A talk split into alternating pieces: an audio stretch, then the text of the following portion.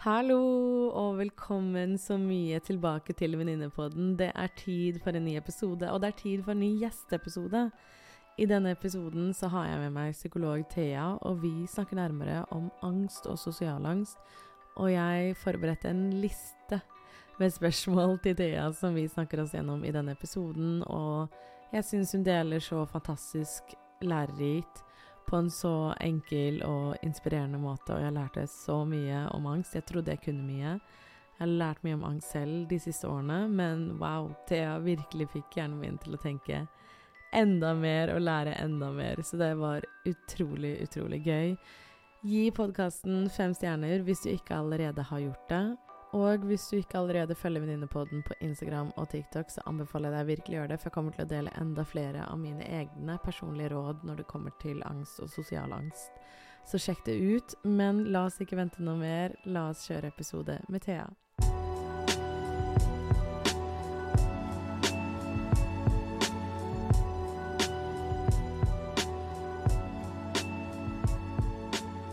Hei og velkommen til Venninnepodden. Jeg har med meg Thea. Hei, Thea. Hei. Hei, velkommen til Venninnepodden. Tusen takk. Veldig hyggelig å ha deg her. Hvem er Thea? Ja, hvem er jeg? Eh, jeg er eh, 29 år gammel, utdannet psykolog mm. fra Universitetet i Bergen. Mm. Og ehm, jeg eh, flyttet da tilbake til Oslo for eh, Nå begynner det å nærme seg tre år siden. Mm. Og har eh, jobbet med angst siden det. Mm. Så nå jobber jeg både i et OCD-team yeah. i Oslo, yeah. og også privat på kveldstid på en klinikk som heter Angstklinikken. Nydelig. Og det som er, er at du er jo ikke bare en, for meg, en random psykolog. Nå tenker jo alle bare har du, Camilla, har du med deg psykologen din på podkasten? Det har jeg jo ikke. Men vi kjenner jo hverandre fra Bærum, fra videregående. Stemmer. Og det var jo så veldig hyggelig, at du var jo en av de jeg fikk melding fra veldig tidlig da jeg lanserte podkasten min, som sendte gode ord og støtte og heiet på Mm. meg fra sidelinjen. Ja. Så jeg syns det var så hyggelig. ja. Takk for det, herregud. Og så tenkte jeg, det var noen uker siden, så satt jeg og bare ah, Jeg har så lyst til å lage en episode om angst og sosial angst og alt som dreier seg rundt angst. Og så var jeg bare sånn, satt jeg og googlet litt. Kom over angstklinikken, og så Mm. sitter jeg og ser på ansatte der, og så plutselig var du der. ja.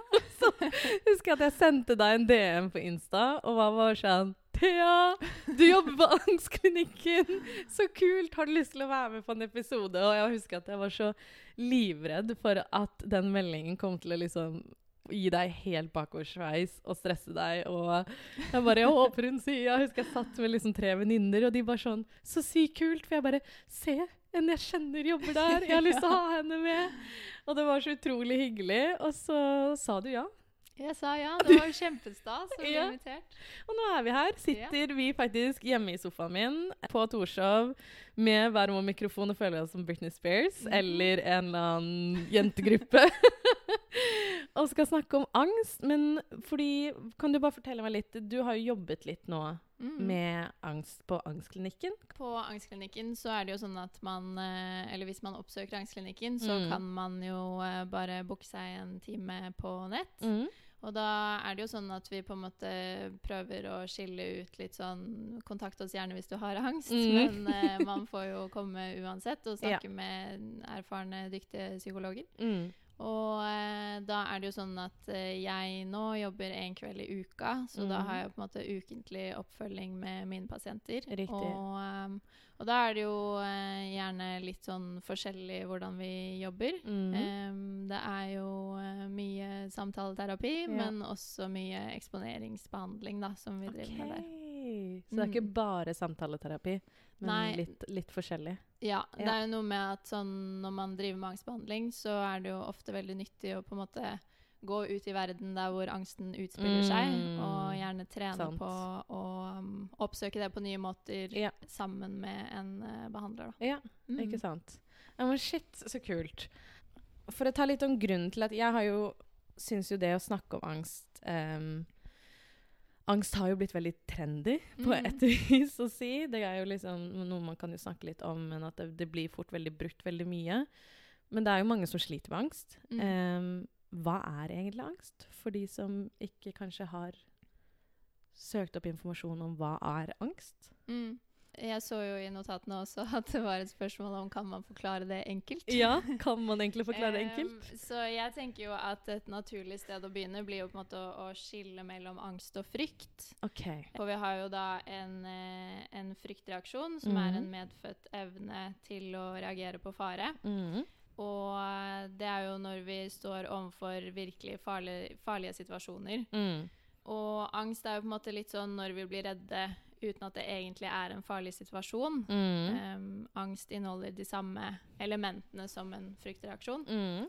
Um, så det er jo en uh, følelse av uh, uro og en forventning om at noe farlig kan skje. Um, Sånn at eh, ofte når vi skiller mellom angst og frykt, så snakker vi ofte i behandling om litt sånn hvordan hjernen vår er eh, satt sammen. Mm. Og eh, hjernen vår består jo av masse forskjellige lag og strukturer. Så for å gjøre det veldig enkelt, så Mm. kan man på en måte dele inn i at vi har jo på en måte emosjonelle deler i hjernen. Mhm. Som eh, er mye mer sånn dypere liggende strukturer. -hmm. Um, og der ligger også fryktsenteret vårt. Ok. Og de emosjonelle delene de deler vi med andre dyr. Ja. Og så er vi såpass heldige at vi også har på en måte mer sånn høyerestående strukturer, mm. hvor logikken ligger. Ikke sant. Og der er jo på en måte evnen vår til å snakke, planlegge, Mm. eh, tenke og gjøre kule mennesketing, da. Mm. Eh, de ligger der. Ja. um, og litt av grunnen til at jeg er opptatt av å få med det som en del av forklaringen, er jo litt sånn Siden de logiske strukturene er mye senere utviklet, på en måte, Mm. så er det ikke noe sånn at det er en direkte kobling mellom logikken og følelsene. Mm. Så vi kan ikke på en måte snakke oss ut av en angstlidelse. Eh, vi kan ikke, hvis jeg sier til deg at det er ikke farlig, Mm. eh, det du er redd for, så vil på en måte ikke hjernen din lære noe av det. OK. Em, Aldri tenkt på det på den måten. nei. Fordi angst er jo det, er det som jeg alltid sier når jeg snakker med venner, eller hvis jeg har slitt selv med angst, så sier jeg det at angsten er jo irrasjonell. Mm. Og det spiller jo ingen, spiller ingen rolle hva jeg sier til meg selv, eller hva noen andre sier til meg. Mm. Og for mennesker som er veldig praktiske av seg, eller veldig rasjonelle av seg, så opplever jeg at de har jo veldig vanskeligheter å forstå at det er jo totalt irrasjonelt. Men ja, det Mm. er irrasjonelt. Man Mm. får liksom ikke gjort noe med det. Nei. Det som jo er eh, litt av grunnen til at vi f.eks. driver en del med eksponeringsbehandling, er jo Mhm. at eh, fryktsystemet tar til seg informasjon fra omgivelsene ut fra hvordan vi oppfører oss. OK. Sånn at hvis vi oppfører oss som at noe er farlig, så sender vi på en måte signal om at dette er farlig, varsle meg gjerne igjen, Ja. også i lignende situasjoner. Så når man da Um, er i lignende situasjoner, så går kroppen automatisk tilbake i det mønsteret? Mm. Aha. Så da får vi på en måte en falsk alarm, da. Og sånn uh, utvikler jo ofte Eller vi kan sammenligne angst med en falsk alarm, på en måte. Herregud, det, det gir jo sykt mening hvordan da de ulike situasjonene kan trigge frem angsten. Mm. Og hvordan mange da sier at man, det verste, noe av det verre man kan gjøre, er å unngå de situasjonene, eller Mm. når angsten dukker opp i de øyeblikkene, prøve å komme seg vekk fra den situasjonen, da. Mm. Selv om det er jo liksom det eneste man egentlig vil, Mm. for å bare ha det litt bedre. Mm. Og det er jo det som kroppen sikkert bare instinktivt sier. Ja, instinktene skriker på en måte til oss at uh, nå må du komme deg unna, eller gjøre et eller annet for å få vekk den uh, ubehagelige følelsen her. OK, shit. Men så hvordan er det bare av nysgjerrighet, hvordan er det dere jobber da med eksponeringsterapi når det kommer til angst, da? Da er det jo sånn at vi på en måte kartlegger veldig sånn grundig i forkant OK, hva er det du mener at på en måte angsten tar fra deg i hverdagen? Mm. Og ut ifra det så legger vi opp en plan, da. Mm. Um, OK, hvis det er f.eks. Uh, de og de typene sosiale situasjoner Mm. uh, Jeg kunne tenke meg å f.eks. holde en presentasjon på jobben. Eh, jeg kunne tenke meg å dele meningene mine faktisk Mm. med de jeg omgås med. Mm. Men jeg får det bare ikke til. Da kan det jo f.eks. være nyttig å trene på de tingene. Men så er det jo også sånn at eh, vi begynner jo ofte kanskje litt sånn sammen i terapirommet, f.eks. Ja, ikke sant. Eh, Ja. Tørrtrene litt på Ja. de tingene som man ønsker å trene på, Ja. før man eventuelt da med behandler eller på egen hånd går ut i verden og, og trener på en måte med en riktig teknikk. Ja, um, ikke sant. Og Ja. nå snakker vi jo veldig generelt, og dette her hører jeg jo nå når du forteller, så vil jo dette her variere veldig fra person til person. Mm. Diagnose til diagnose. Eh, veldig ulikt hva man kanskje strever med eller har angst over, da, så vil det variere veldig mye. Ja. Men jeg hører når du forteller nå, så hører jeg også liksom sånn Å ja, det er derfor min psykolog tidligere har bedt meg om å gjøre visse ting. Fordi Mm. det har vært situasjoner hvor jeg kanskje har blitt stresset over det, og så har hun vært sånn OK, men prøv å gjøre det én gang, og så prøv å gjøre det annenhver dag, eller liksom å skape en litt sånn som det høres ut som, å gjøre rett og slett opp nye erfaringer, da, sånn at kroppen skjønner at det her er ikke farlig. Det er ikke Mm. noe vits å være redd, det er ikke noe vits å ha frykt, det er ikke noe vits å sette av disse alarmene som du snakker om. Mm. For det går fint, da. Mm. Å gjøre seg opp nye erfaringer. Ja. Shit, så kult. Eller jeg bare Det er jo ikke kult, men jeg bare syns det er utrolig fascinerende. Mm. Fordi det er jo som du sier, da, at det, det er jo litt sånn den derre dyrehjernen, og så er det Mm. mer den logiske delen, og at de sitter ikke helt sammen. mm. Og det er jo ikke rart da at angsten vår ofte kan oppleves så ekstremt irrasjonell. Mm. Altså Senest nå nylig så hadde jeg um, Jeg har jo selv strevd masse med angst før, og har mye angst. Og senest her nylig her om dagen så bare opplevde jeg at jeg hadde angst kroppslig, Mm. men ikke mentalt. mm. Og det for meg var veldig veldig nytt, fordi jeg har vært vant til at det alltid henger sammen. At det, jeg kan skjønne hvorfor hodet mitt surrer, og så få en kroppslig reaksjon. Men denne gangen så var det bare kroppen min som reagerte, og hodet mitt som var bare sånn Ja, ja, dette her er sikkert bare litt angst nå, sånn er det, la, la, la. Måtte bare snakke meg litt gjennom det. Men så Mm. var det bare sånn Jeg må bare vente til det roer seg. Ja. Og så bare Fordi at jeg hadde bare hjerteklapp og bare klarte ikke å roe kroppen. Mm. Men det er jo ikke alltid en kobling mellom det Nei. i det hele tatt. Nei. Herregud. Det neste spørsmålet som jeg har notert meg, for jeg har laget et veldig fint eh, masse notater til deg, som du allerede har nevnt. Hva er forskjellen mellom normalangst og angstlidelse? Ja, det er jo sånn at alle mennesker har kjent på angst. Mm. Eh, og sånn eh, veldig sånn kort fortalt, på en måte, så vil jo eh, forskjellen være litt sånn når, eh, når er det angsten eh, kontrollerer livet ditt, på en måte? Når det tar over, ja. Ja. Mm. Eh, når er det den står i veien for at du får eh, Mm. utgjør, utført daglige gjøremål, Mm. eller på en måte ikke får lyst til Eller ikke får mulighet Mm. til å gjøre det du har lyst til å gjøre. ja. Kommer virkelig i veien for det, da. Mm. OK, shit. Ja, det Jeg skjønner at det er en stor forskjell. Mm. For noe av det er jo den angsten at man kan kjenne på det kanskje litt her og der, men en angstlidelse er mer um, at den tar over, som du sier da. At den bare kommer i veien. Ja. Hvordan, hvordan er liksom Det finnes Du har jo nevnt Jeg husker da vi snakket sammen, så også nevnte du at det finnes litt ulike former for angst. Ja. Og, og angstlidelser, eller er det bare Kan du ikke bare ta meg gjennom det? ja. Eh, vi kan eh, f.eks. dele det inn i fem, Mm. eh, sånn at vi har generalisert angst. Okay. Eh, det er jo da, hvis vi skal si det på en sånn mer folkelig måte, så blir jo det bekymringsangst. Mhm. Og så har vi panikkangst. panikkangst. -hmm. Mer folkelig sagt så kan vi jo kalle det for en slags sånn symptomfobi. -hmm. Eh, man blir veldig redd for de kroppslige reaksjonene som vi nettopp eh, var innom. Mhm. Så er det jo også fobier, og det kan også da deles inn i tre. Vi har sosial fobi og spesifikk fobi og agorafobi. Mm.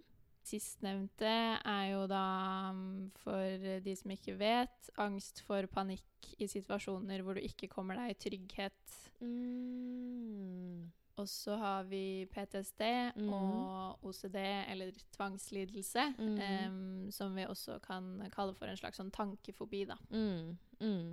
Og flere av de her har jeg jo hørt om før. Generalisert angstlidelse, og det er Mm. mer en sånn stress eh, Er det Den første jeg nevnte, var eh, ja, Ja. generalisert angst, ja. Ja. Mm. Og for hva er det den er? Er den liksom Er det vanlig angst, eller er det en lidelse? Det er en uh, lidelse, Ja. og det dreier seg jo mye om, uh, om bekymringer. Mm. At eh, de på en måte For i mange av de som jeg nevnte, så er det jo på en måte ganske vanlig å bekymre seg der også. Mm. Uh, men da er på en måte temaene litt mer satt. sosial fobi, bekymrer seg for sosiale situasjoner f.eks. Riktig. Eh, sånne type ting. Men Mm. ved generalisert angstlidelse så er jo bekymringene gjerne mer sånn flytende, da. Mm, mm, ikke sant. Og grunnen til at jeg er litt ekstra nysgjerrig på det, og det her kjenner jo, har vi allerede snakket om, Thea, men Mm. jeg fikk jo den diagnosen nå for to år siden, er det vel? Um, I en alder av 29 år, plutselig, og var hos en psykolog på DPS. Og gjennom samtaler med henne så kom jo hun frem til at hun ønsket å gi meg den diagnosen. Eh, og noe som jeg syns var veldig merkelig og vanskelig å håndtere i en alder av 29 år, og plutselig få beskjed om at å ja, men du har Det høres ut som de siste 15 årene så har du egentlig hatt denne diagnosen her, da. Mm. For jeg husker jo at jeg fikk veldig, veldig raskt angst, og slet mye med angst rett etter mamma døde. Mm. Og så har jo den bekymringen bare vokst og vokst og vokst og vokst, og vokst, og så har den en gått fra å være angst eller sorg eller eh, en sorgprosess til å bli liksom mye større da, enn det, enn det det var i det hele tatt. Mm. Og det har jo vært en virkelig læringsprosess for meg også, men er jo virkelig noe jeg jobber med også å lære om. Og det var jo Jeg syns det var så synd at man ikke Jeg tror for min del, når jeg fikk den diagnosen, jeg var bare sånn OK, da vet jeg, da kan jeg bli klokere, da kan jeg forstå meg selv bedre. Mm. Men det jeg syntes var så synd, da, var jo det at jeg opplevde at jeg hadde blitt tatt fra så mange år ved at det, ingen psykologer har sagt det til meg før, eller liksom utredet meg for det, eller sendt meg den veien for å liksom prøve å bli litt mer utredet, fordi det er så mye som er misforstått ved det, da. Mm. Og mye som også er kanskje mangel på kunnskap. Jeg har hørt masse om angst før, jeg har psykologer som har fortalt meg om angst, men et, det var den første psykologen som faktisk utredet meg det og liksom sa liksom Dette her er kanskje litt mer enn Mm. bare vanlig angst. Ja. Og det er jo litt derfor også jeg hadde lyst til at vi skulle snakke om det her i dag, er jo fordi at det er så synd Og det er så mange tilfeller hvor jeg ser også at så mange strever og sliter og ikke føler de mestrer livet sitt, men så er det helt normale grunner for det. Mm. Og det er helt Det er løsninger for det, og det finnes verktøy for det. Og det er så mange muligheter, da, men hvis man ikke har kunnskapen og bakgrunnen for det, så vet man nesten ikke helt hvor man skal gå videre med det. Nei. Nei. Var det, ehm, var det sånn at du da på en måte hadde gått i flere år og eh, hatt mye sånn ukontrollerte bekymringer, Mm. og at det var på en måte hovedutfordringen? Ja, masse. masse altså masse. Em, jeg husker jo da jeg studerte, så slet jeg masse med sosial angst. Eh, og for meg så var jo det veldig, veldig vanskelig, fordi jeg kjente ikke meg selv igjen. For jeg har alltid vært den ekstroverte, veldig sosiale, boblete personen. Mm. Og så plutselig begynte jeg å få angst i sosiale settinger fordi at jeg var så redd for at jeg kom til å få et angstanfall eller et panikkanfall. Mm. Eh, så jeg tror nok det var det at når hun endelig da satte litt ord på både hva som kan skje, og jeg også fikk muligheten når jeg kom hjem å google og sette meg ned og lese litt om hva den angstlidelsen er, og hva sosial angst er, og liksom forstå litt den verden, da, Mm. så skjønte jeg meg selv mye mer i retrospekt. Men før det så har jo jeg slitt masse. Altså der hvor jeg nesten Men så har jeg bare pushet meg gjennom det, ikke sant? For jeg bare tenker ja, ja, herregud, det er bare kanskje litt sliten, eller kanskje det ene og det andre. Og så har jeg ikke skjønt at å ja, det er ikke normalt å ha hodepine hver eneste dag. Eller å ja, det er ikke Mm. normalt å ha vondt i kroppen sin hele tiden. Eller å ja, det er ikke normalt å ha høy puls når man står og sminker seg fordi kroppen bare Det er det siste den vil, egentlig, er å gå ut døra. Eller sette seg, dra på jobb, eller liksom sjekke postkassen for regninger. Altså bare helt irrasjonelle ting, da. Mm. For kroppen bare sier nei, nei, nei, nei. Alt er skummelt. Alt er Og så også spesielt for meg, da, så tror jeg den delen av angst at jeg bare har hatt veldig store reaksjoner på ting. Mm. Og så når jeg ser hvordan andre reagerer på det, så har jeg bare sett at mine reaksjoner har vært veldig store, da. Og Mm. annerledes. Kanskje for mange dramatiske eller irrasjonelle. Men for meg så har jo det vært mine reaksjoner. Mm. Så et veldig langt svar på ditt spørsmål. Men ja, det har jo gitt meg mye mer mening. ehm, og eh, har jo hjulpet veldig mye å forstå det mye mer og vite kunne jobbe med det. Og så til slutt så endte det med det at jeg innså det at jeg har jo gått masse, masse i terapi i mange, mange år, og så var det vel i fjor sensommer hvor jeg innså det at terapi funker ikke, for det bare renner over til slutt. Og så begynte jeg på antidepressiva, men som er angstfokusert, da. Mm. Rett og slett for å minimere angsten. Mm. da jeg begynte på den, jeg husker jeg hadde gått på den i Jeg husker ikke hvor lenge det var, kanskje et par måneder inn. Og så bare innså jeg liksom hvor rolig hodet mitt var. Mm. Og hvordan jeg reagerte så annerledes i situasjoner som hvor jeg før kanskje fikk helt packeren. Jeg fikk helt panikk, liksom. Og plutselig nå bare var sånn Ja, ja, men herregud, det løser jeg jo. Det Mm. finnes jo praktiske løsninger på problemer, som broren min alltid sier. Men bare Og det var da jeg bare innså bare sånn Shit, så unødvendig mye jeg har strevd Mm. med enkle hverdagslige ting. Fordi det har ikke vært en kobling, da, litt, kanskje litt som du sier, mellom den delen av hjernen. Fordi kroppen min har bare vært i liksom høystress. Liksom. Jeg merker også bare nå av å sitte og snakke om det, så er kroppen min bare sånn Nei, nei, nei, nei, nei dette er Mm. skummelt. Ikke del. Ikke fortell folk at du går på medisiner. Ikke fortell folk at du har diagnose. Mm. Fordi kroppen vil jo bare holde meg trygg. Mm. Og det å dele det, og det å snakke om det, men også det å eksponere meg for det, er jo det totalt omvendte. Mm. Så det har vært en reise. Men uh, jeg tror jeg ble mest overrasket, både veldig glad, men også lei meg da jeg innså hvor unødvendig vanskelig jeg har hatt det, da, Mm. faktisk. Mm. Mm. Er det sånn at du vil si litt om, om hva som har eh, hjulpet av sånne teknikker som du har lært? Mm. Oh, det er et godt spørsmål. Først og fremst samtaleterapi. Mm. for min egen del. Eh, det å kunne sitte og snakke med noen, og hvor du kan bare Nå går jeg til en coach eh, som jeg har gått til i over en lang periode. Og det å kunne sitte og snakke med henne og ikke være redd for at hun dømmer meg, Mm. Eh, og fortelle om hva som stresser meg, eller hva jeg tenker, eller hva det trigger meg, eller følelsene mine. Og spesielt si hva jeg tenker uten å være redd for at hun skal synes at jeg er rar, eller merkelig, eller dramatisk, eller irrasjonell. Mm. Men bare lytter og bare sånn Ja, jeg forstår. Jeg hører hva du sier. Og også kunne da hjelpe meg med å kanskje se ting på andre måter, men også hjelpe meg bare til å se og forstå meg selv bedre. Mm. Det tror jeg har vært nummer én. Ehm, og så er det mye av det jeg også har lest, prøvd å liksom Ved at jeg forstår meg selv bedre og min kontekst litt bedre, så ser jeg det at det er litt lettere for meg selv å kunne vite hvordan jeg skal møte meg selv, i den form at ved å vite min kontekst, ved at jeg har slitt med angst, jeg har hatt vanskeligheter med det, så kan jeg også søke kunnskap om det. I Mm. form av å forstå ok, hva er ting som er fint å gjøre for å minimere angsten. Jeg har hatt perioder hvor jeg ser at trening er kjempebra, em, kosthold er viktig, søvn er ekstremt viktig. Mm. Sover jeg mindre enn mindre enn åtte timer, så med en gang så er angsten min mye verre. Altså Mm. det er helt ekstremt. Jeg vet at jeg får mer angst når jeg er premenstruell. Altså de fem dagene før jeg får mensen. 100% Jeg får så mye mer angst Mm. at det er nesten litt irriterende. At det er sånn Ja, det burde nesten ikke være lov å være kvinne og deale med det, det der i tillegg. Men uten tvil søvn, og også bare det å kunne snakke med venner om det. Ja. Og ha et nettverk.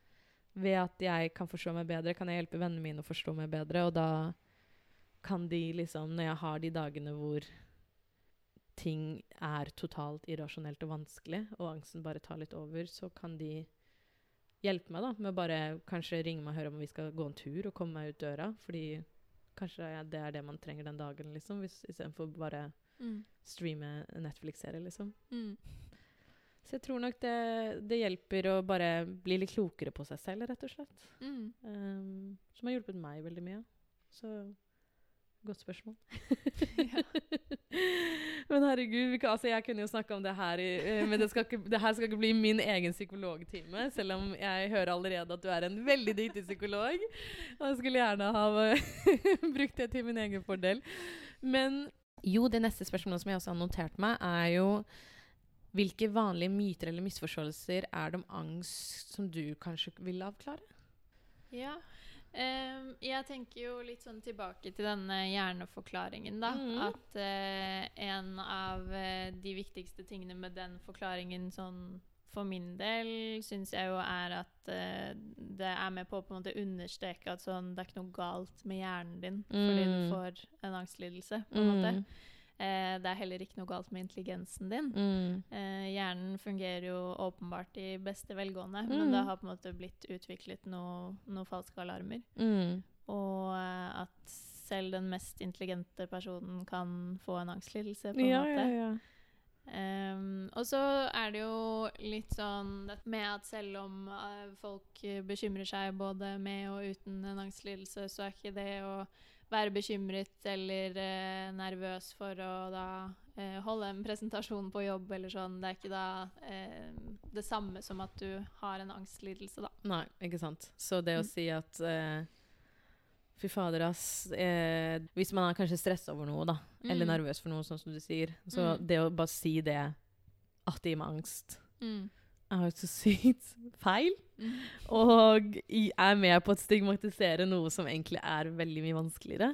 Fordi, holdt jeg på å si, en annen del som jeg tyngst, kunne vært interessant å gå litt nærmere på, Mm. hvordan oppleves angst?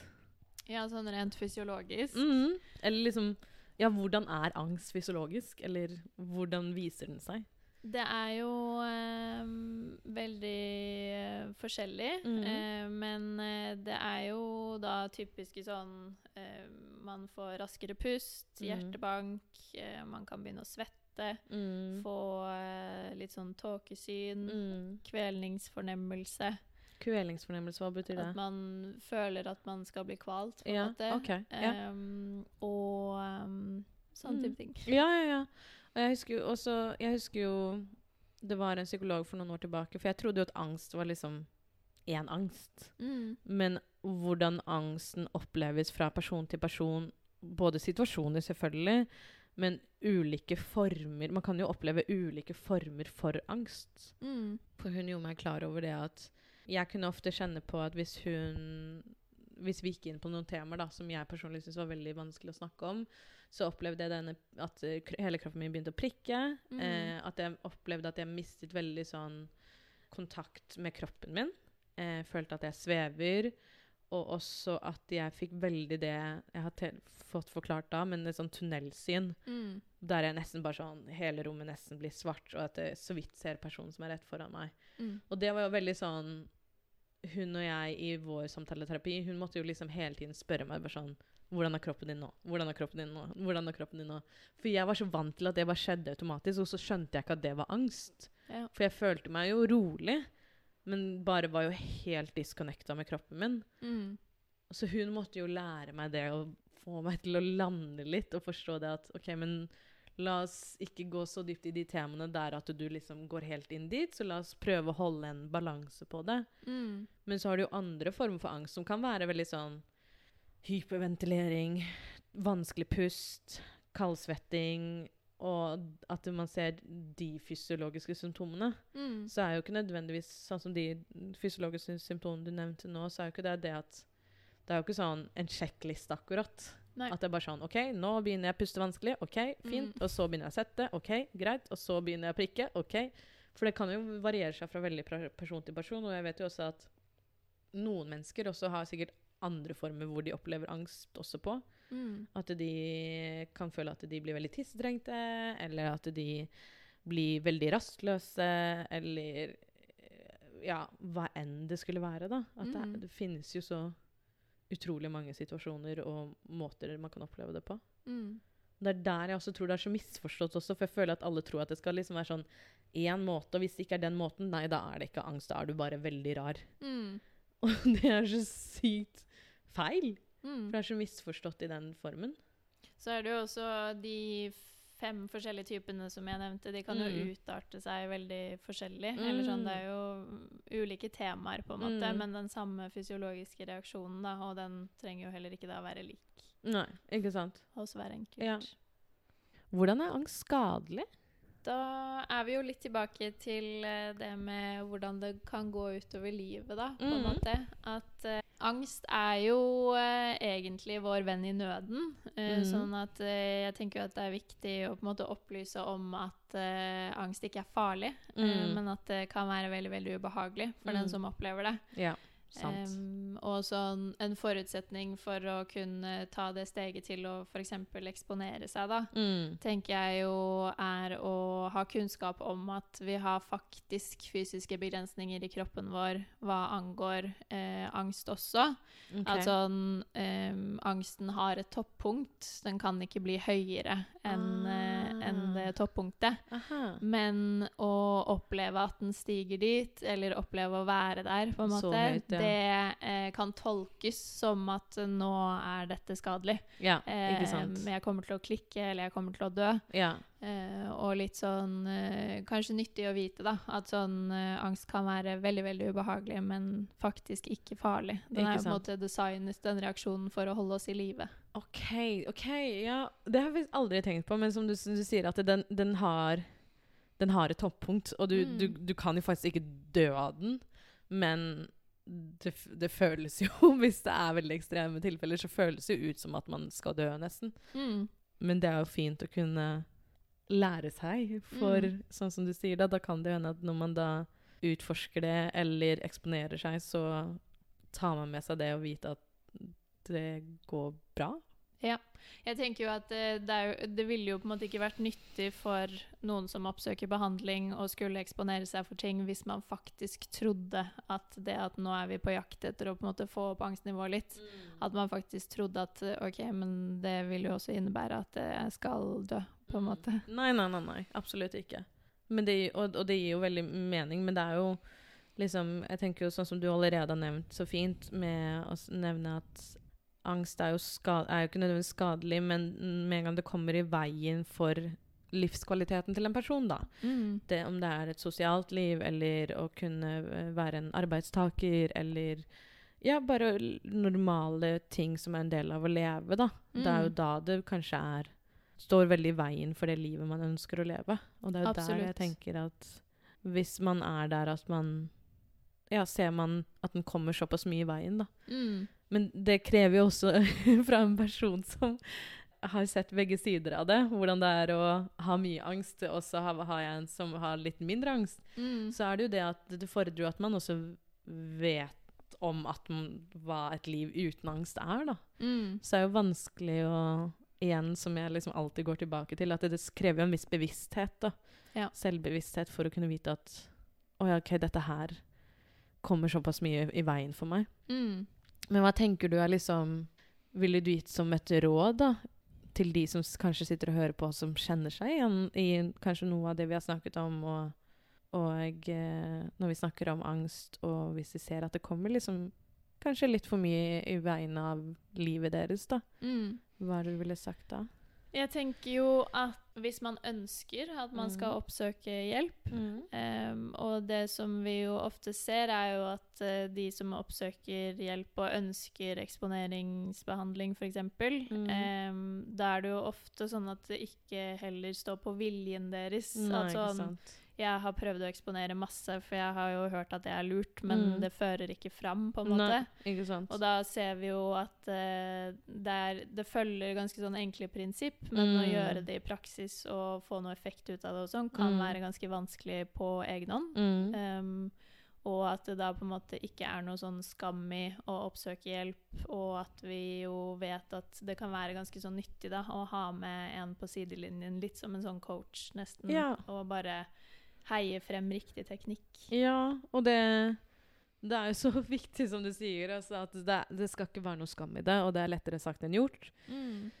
Men bare det å kunne ha en person som kan stå litt ved siden av deg og bare være litt sånn For det er så fort gjort at når angsten tar over, så blir den, kommer det igjen det irrasjonelle.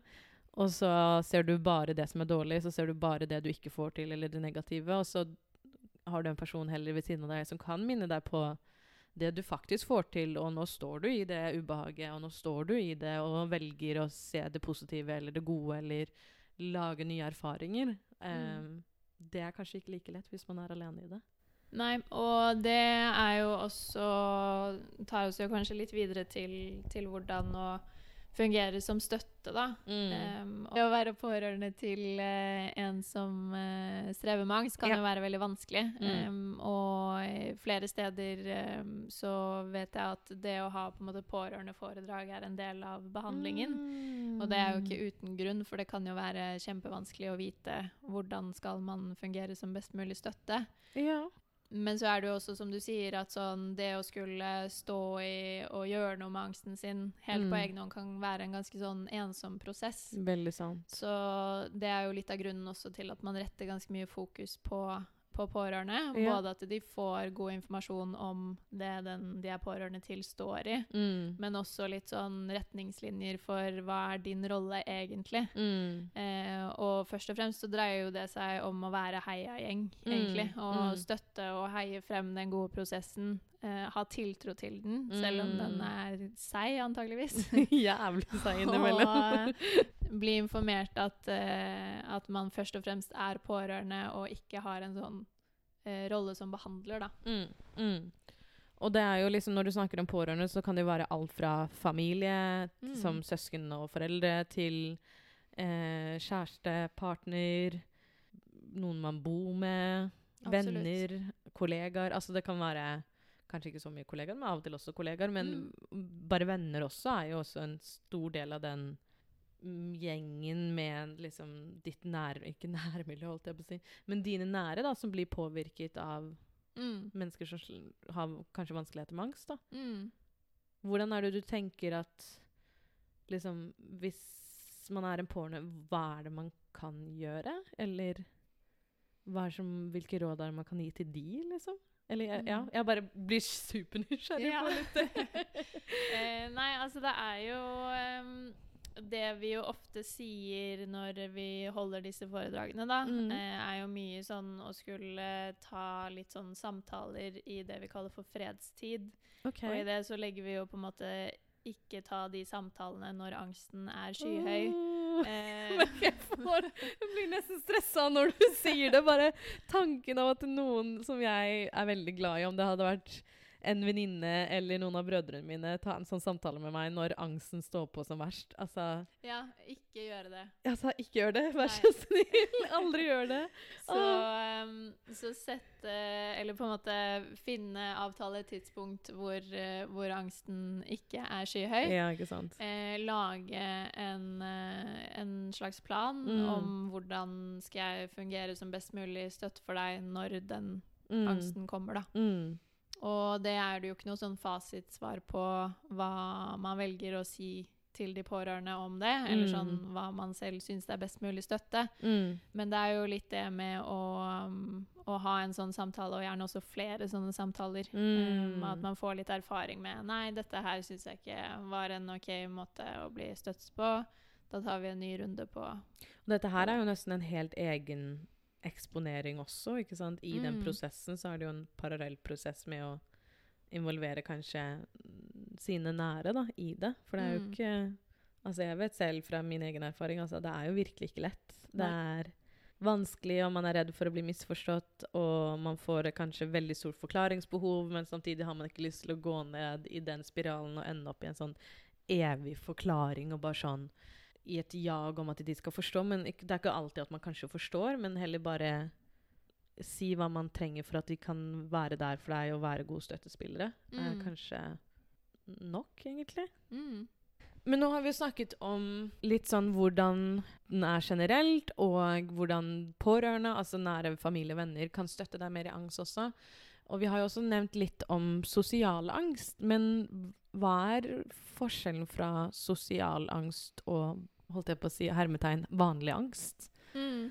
Som man kan uh, si om sosial angst, som jeg tenker er viktig, er jo i hvert fall at uh, det er helt vanlig å være oppmerksom på hvordan andre oppfatter oss, på en måte. Mm, mm, Og at det jo i utgangspunktet har jo det en ganske sånn god funksjon for oss, for vi lever i sosiale fellesskap. mm. Og den sosiale bevisstheten, for, på en måte, det beskytter oss jo fra å fornærme eller såre andre. For å kunne være en del av, den, en Mm. del av det sosiale fellesskapet, ja. ja. Mm. Mm. Og så er det jo noe med når det igjen da blir overdreven frykt, eh, Mm. som sosial angst blir, da. At man Mm. blir litt øh, for opptatt av om andre skal reagere negativt på oss, da. Mm. Vanlige symptomer er jo f.eks. at man blir eh, nervøs eller ukomfortabel i em, settinger hvor man, eh, hvor man interagerer med andre, Mm. Eller hvor man blir sett av andre. Mm. At man kan bli overdrevent redd f.eks. For, for å gjøre noe dumt eller gjøre et, godt, gjøre et dårlig inntrykk. Mm. Eller bli negativt vurdert av andre, da. Mm. Igjen ironien av det hele. At angst er jo for å ta vare på oss, eller det er Mm. frykten vår som ønsker å ta vare på oss. Og det Mm. samme er i sosial angst. At det er bare kroppen vår som ønsker å ta vare på oss sosialt for at vi kunne Mm. være en del av et sosialt fellesskap, eller ha venner, eller være en del av et kollektiv, da. Ja. Og det er jo det som er så synd når det blir for igjen for ekstremt, at man holdt jeg på å si, tenker over nesten alt man sier eller gjør, eller hva, hvordan man oppfører seg eller ikke oppfører seg, og ender opp med å går fra sosiale settinger og tenker i hjel. Mm. Det er jo da det blir ikke Mm. hensiktsmessig og ikke bra. Mm. Først og fremst er det jo vanskelig å vite om man sliter med sosial angst, men jeg hører jo sånn som du forklarer det, at det er jo når det blir for mye. Mm. Men hvordan kan man jobbe med sosial angst, da? Eller liksom deale med det? Igjen så er det jo dette med eksponering, da. Ja. Som jeg kommer tilbake til hele tiden. Det er liksom nå Thea, det er nå du skal si Jo, for å deale med sosial angst, så setter du deg i sofaen, Mm. det på Netflix, og så blir du der. Ja, Og så plutselig er du borte om en uke. altså, hvis du hadde sagt det til meg, så hadde det vært sånn Yes! My dreams are true! My dreams have come true! Ja. Ja, Men nei, OK. Eksponering igjen. Åh, jeg får bare Jeg blir litt stressa av tanken, men ja, eksponering. Det er jo, Generelt sett så vet vi jo på en måte at eh, eksponeringsterapi viser seg å ha veldig god dokumentert effekt. Ikke sant. Og sånn som med sosial angst eksempel, så blir det jo igjen en sånn kartleggingsprosess rundt hva, hva er det du har lyst til å få til, hva er det Mm. angsten hindrer deg i å gjøre. Mm. Og sosialt sett så kan det jo være veldig mye Med mindre man bare unngår situasjoner, så er det jo Mm. veldig mange eh, på en måte sikringsstrategier som man kan bruke for å på en måte lide seg gjennom de situasjonene man er redd for. OK. Hva kalte du det? Sikring? Sikringsstrategier. Hva er det for- hva er det for noe? Så for eksempel eh, dette her med um, Jeg velger å si så lite som mulig. Jeg velger å ikke dele meningene mine. Jeg lider meg på en måte gjennom denne situasjonen. Jeg syns den er kjempeubehagelig, men jeg gjør tiltak for å på en måte gjøre det litt mindre ubehagelig, da. Aha. Oi.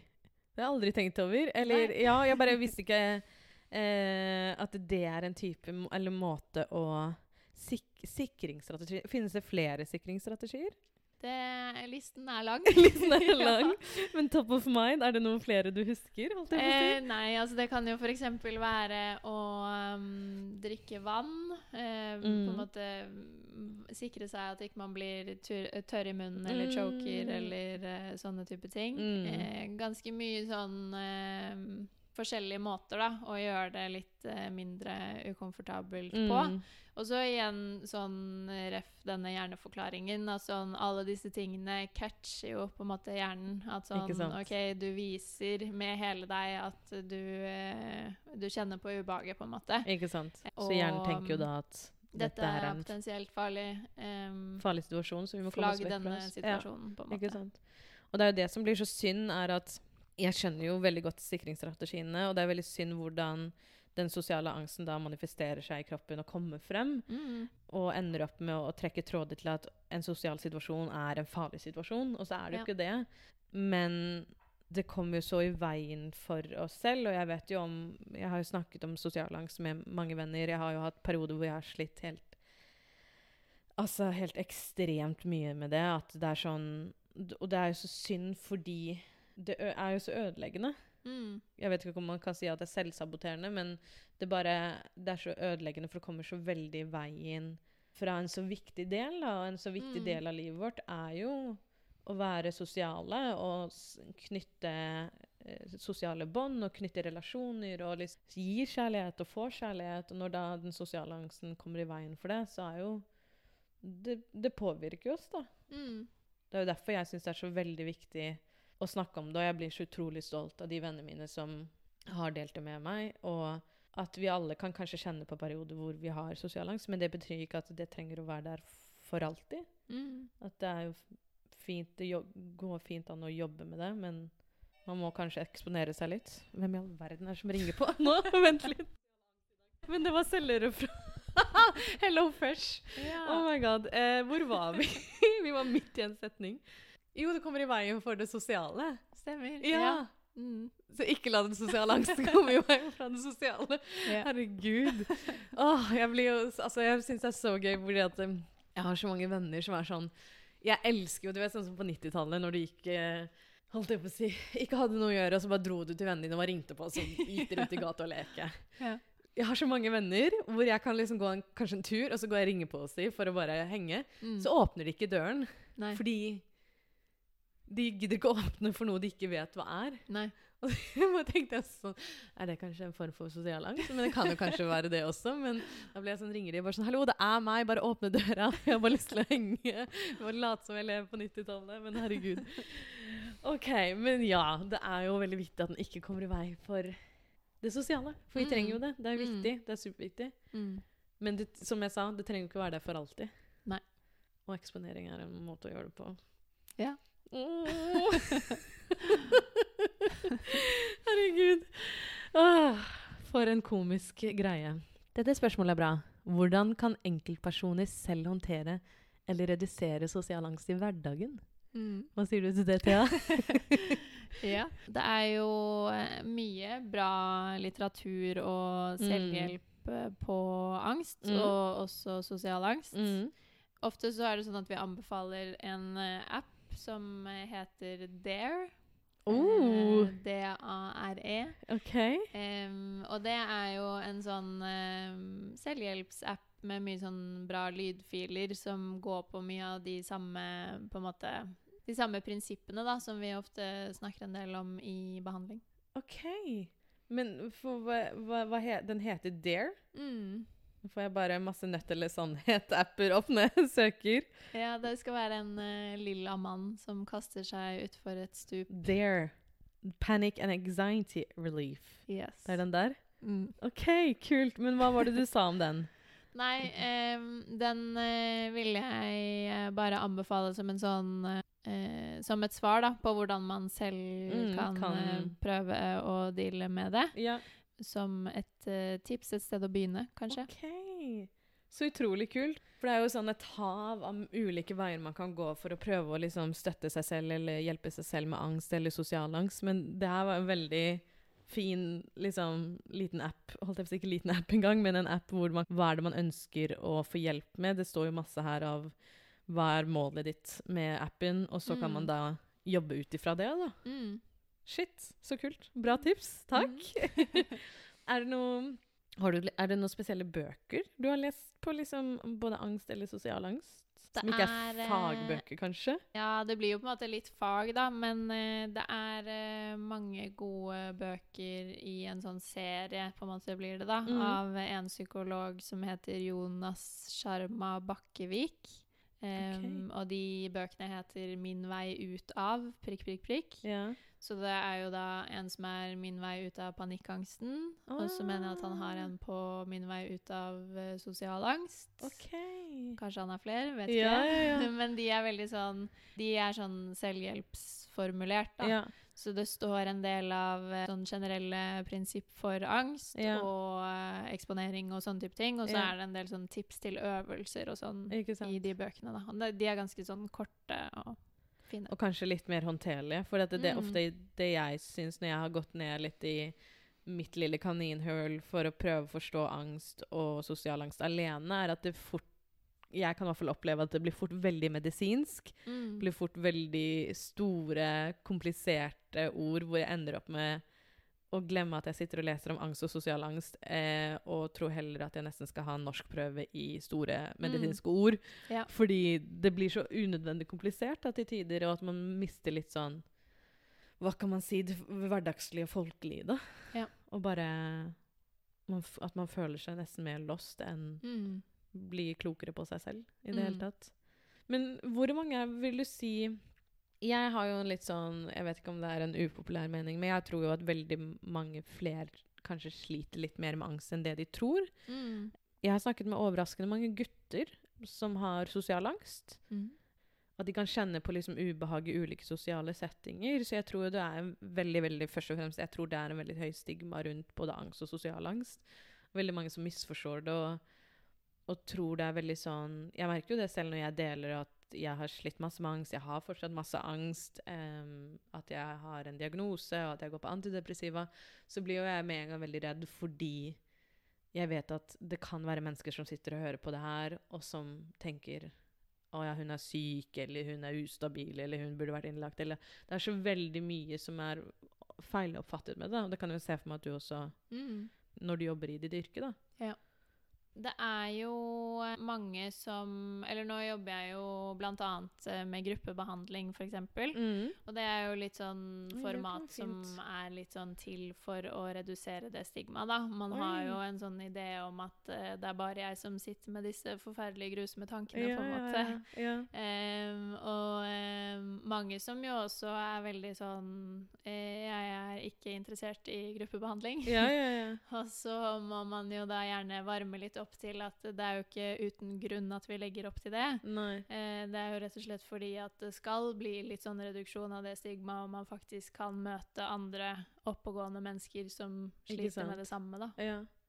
Shit, så jeg, jeg visste ikke at det fantes gruppebehandling innenfor angst. Det må være utrolig fint å liksom kunne se at det finnes eh, Nå holdt jeg på å si Jeg hater å si det, men det er bare litt det som faller seg automatisk inn for meg å si. Men Mm. møte andre normale mennesker som Ja. har det. Veldig ofte så de menneskene som kanskje sliter med angst og sosial angst, er jo for liksom det første mennesket som møter det, virker som et kjempeoppegående og normal person. Mm. Men liksom, vi er komplekse vesener, og det er så mye mer som kan skje bak, bak et førsteinntrykk. Mm. Og litt sånn før vi avslutter, men hvordan kan man lære å akseptere å leve med angst? Eller kan man leve med angst? Og fordi det er jo ikke alltid den vil gå helt bort, men hvordan, liksom, ja, hvordan jobber man med det? Mm. Det er jo det som vi ofte er eh, opptatt av å understreke når vi begynner med angstbehandling, Mm. er jo at eh, de aller fleste har en sånn idé om at de vil kvitte seg med ubehagelige tanker og følelser. Eh, og det skjønner jeg at Mm. man kommer inn med. Veldig og så er jo den kjipe delen av jobben min å måtte overlevere beskjeden om at det er dessverre en del av livet. Ja. Eh, livet svinger, og det er fullt av ubehagelige tanker og følelser. Mm. Men så er det litt det her med hva er det som skal være i førersetet i livet ditt? Mm. Er det de ubehagelige tankene og følelsene, eller er det du? Mm. Um, og at vi da kan trene på å snu den skuta litt, Mm. og også da um, lære teknikker for å kunne møte de ubehagelige tankene og følelsene også etter behandling, da, for de vil komme. De vil ikke bli borte, på en måte. Ikke sant? Eh, Så det handler jo rett og slett bare om at man lærer seg å kanskje akseptere mer og få et mitt Hva kan man si? Et litt mer nyansert bilde på at livet er en del av både de gode følelsene og de vonde følelsene. Mm. Og det vil komme tøffe perioder, Mm. men det betyr ikke at livet trenger å være over, eller ikke er verdt å leve, eller ikke er verdt å prøve å liksom komme seg forbi de tøffe periodene. Mm. Hvordan er det du tenker at man kan lære seg å akseptere det, da? Det er jo å bli litt kjent med det. Mm. Kunne eh, ta og Litt sånn som du nevnte i stad, at sånn Nå høres det ut som at du har gjort deg mye refleksjoner om eh, hva angst eh, er for deg, på en måte. Mm. Eh, og kunne trene på dette her med å bare gjenkjenne at OK, nå, nå skjer det noe ubehag her på innsiden. Mm. Det får bare være der Mm. til det går over. Det Mm. er ikke stort mye jeg kan gjøre med det. Mm. Um, og selv om det koker på innsiden, så kan jeg likevel velge å gå ut i dagen, på en Mm. måte. Mm. Em, og Det er veldig sant, faktisk. trene på å bare la det være. Mm. Ikke sant? At det trenger ikke Det er jo det som kanskje er, Ja, det er kanskje vanskelig, men det er jo så fort gjort at det, angsten sitter der i førersetet, liksom for å Mm. bruke det eksempelet du hadde. Men det tar så veldig over, og det blir så veldig mye. Men det er jo også fullt mulig å bare ikke gi den så mye plass. Noen ganger. Andre ganger er det totalt umulig. Mm. Eh, skjønner jeg veldig godt. Men jeg tror også det å kunne lære seg kanskje måter man kan støtte seg selv, da, tenker jeg også er veldig viktig en del av for å lære seg å leve med angst. For jeg tror hvis du er en person som har slitt veldig mye med det, tror jeg, selv om jeg kunne ønske det, så tror jeg ikke man blir he- helt ferdig med det. Mm. Um, jeg tror at man utvider en terskel, kanskje. Jeg vet ikke om det er riktig å si. Ja. Jeg er litt usikker selv. ja. Men jeg, bare skjønner, jeg tenker sånn at da jeg mener, Når jeg mener sånn å utvide en terskel, så mener jeg kanskje egentlig bare at man er eksponert såpass mye Mm. eh, at man utvider terskelen for å se det at det går bra. Mm. Det, du trenger ikke være engstelig i disse situasjonene. Altså, jeg Mm. vet jo om flere situasjoner som Hadde jeg vært i de lignende situasjonene Altså, hadde jeg sittet her og snakket på en podkast for ti år siden, så hadde jeg sittet og seriøst hatt et svetteanfall av nervøsitet, for jeg var så redd for å Hva sier jeg, hva skal jeg ikke si? Og selvfølgelig den angsten Eller det Jeg skal ikke si angsten, men det ubehaget sitter der fortsatt. Men det Mm. er ikke der at det kommer i veien for deg. Mm. Så jeg tror også det at sånn som du snakker om med eksponeringsterapi Jeg skjønner hvorfor det er en så behandlingsform som er så har så dokumentert gode resultater, da. Mm. Fordi det er en så god måte på å vise kroppen din at du kan sitte i, i det du, kroppen din tenker er farlig Mm. og skummelt, og det går fint. Mm. Og det går bra, Mm. og du dauer ikke av det. Men det er jo noe ved det å gjøre det arbeidet og sette seg i de situasjonene, da. Mm. Men um, Ja, det krever jo masse, og eh, de som, som oppsøker behandling for dette, er jo kjempemodige. Og det er jo en ekstremt. kjempekrevende prosess. Og jeg slutter jo ikke å bli eh, blåst av banen av måte de tøffe eh, menneskene jeg møter hver dag, da. Nei, og virkelig. Altså, jeg, jeg, jeg, altså, kudos til deg, og kudos til alle de menneskene du jobber med, og pasientene deres, liksom. Fordi fy fader, ass. Det å stå i det, og bare når, man, når angsten står på for fullt, Mm. og liksom prøve å rasjonalisere seg selv da til at det går fint, det her er bare kroppslig reaksjon, det her går bra, men jeg må bare pushe seg gjennom det, da. Det er jo søren meg virkelig ikke lett Mm. I det hele tatt. Nei. Men hva ville du si Du har jo nevnt allerede. Hvis du ville si liksom Your closing statements, holdt jeg på å si. Hva er liksom dine siste tanker og Eller, eller råd, egentlig, til de som hører på? Eh, jeg tenker jo at eh, jeg vil jo oppsøke eh, Jeg vil jo be folk om å oppsøke hjelp hvis Mm. de kjenner at de trenger det. Og hjelp, så mener du kanskje psykologhjelp eller Mm. samtaleterapi eller coach eller whatever. Mm. Ja. Um, og så tenker jeg jo at det sikkert også kan være nyttig å måte opplyse om at det både finnes god hjelp i det offentlige Mm. og i det private. I det offentlige så er det jo mange steder de tilbyr uh, på en måte spesialisert behandling i, i angstteam, på en Mhm. måte. Um, det blir jo en noe lengre prosess, fordi du må innom fastlegen og få henvisning og de tingene der. Mhm. Men jeg vil jo at folk skal vite at det fins god hjelp der også. Mm. Så blir jo prosessen noe kortere hvis du ønsker å søke hjelp privat. Mm. Da trenger du ikke noe henvisning. Da Nei. er det bare å gå hjem på nettet. Ja. Og så um, vil jeg jo gi en liten shout-out til Angstklinikken. Yay! Med mange dyktige psykologer som har lang og god erfaring med angstbehandling. Ja. Så, um, og vi holder jo til i Oslo, Ja. men uh, vi tilbyr jo da terapi også over video, da. Til okay. alle uansett hvor de bor. ja, OK, så man trenger jo ikke nødvendigvis være i Oslo. Man kan være litt all over Mm. Norge, og kanskje utlandet også, Mm, ikke minst. absolutt. Ja, det er helt fantastisk. Og jeg tror virkelig på det at første steget er jo alltid bevissthet. Og nummer to så er det jo bare kunnskap. Å Mm. bruke det til sin fordel. Og det å kunne sitte her og snakke om det og ikke tenke at det er noe galt med deg bare for å ha angst. Det er noe helt naturlig, og det er kroppen din som bare vil ta vare på deg. Om det er en, en situasjon ute i verden eller en sosial situasjon, så er det bare kroppen din som har lyst til å holde deg trygg, og det er jo helt Det er liksom instinkt hos oss mennesker. Mm, det, det stammer jo på en måte fra sunne, normale reaksjoner. Ja. Mm. Men det bare blir usunne konsekvenser, Mm, kan man si. Kan si det. Kan si det. Herlig. Jeg må si tusen takk. Jeg har lært så mye. Så bra. Jeg Altså, det eksempelet ditt med hjernen altså, Når du først begynte å snakke om det, så skjønte jeg ikke helt. Jeg bare Ja, hjernen. Dyr. OK, skjønner. Men nå sier jo det sitt mening med liksom det liksom irrasjonelle og det rasjonelle og det logiske og sånt. Og bare innsett Shit, man, eksponeringsterapi er jo så utrolig bra, men tøft. Men Mm. høres ut som det er ekstremt eh, effektivt, egentlig. Mm. Uten tvil. Så jeg må bare si tusen takk for takk. kunnskapen din som du har delt og lært så mye. Det var supergøy å ha deg med på podkasten og Ja. kunne intervjue deg med mange Ja. spørsmål som vi har forberedt. Men det er veldig gøy å kunne sitte og snakke med deg om det, så tusen hjertelig takk til deg. Selv takk. Det har vært veldig hyggelig. Ja, så bra. Ha det fint. Ha det. Bra jobba.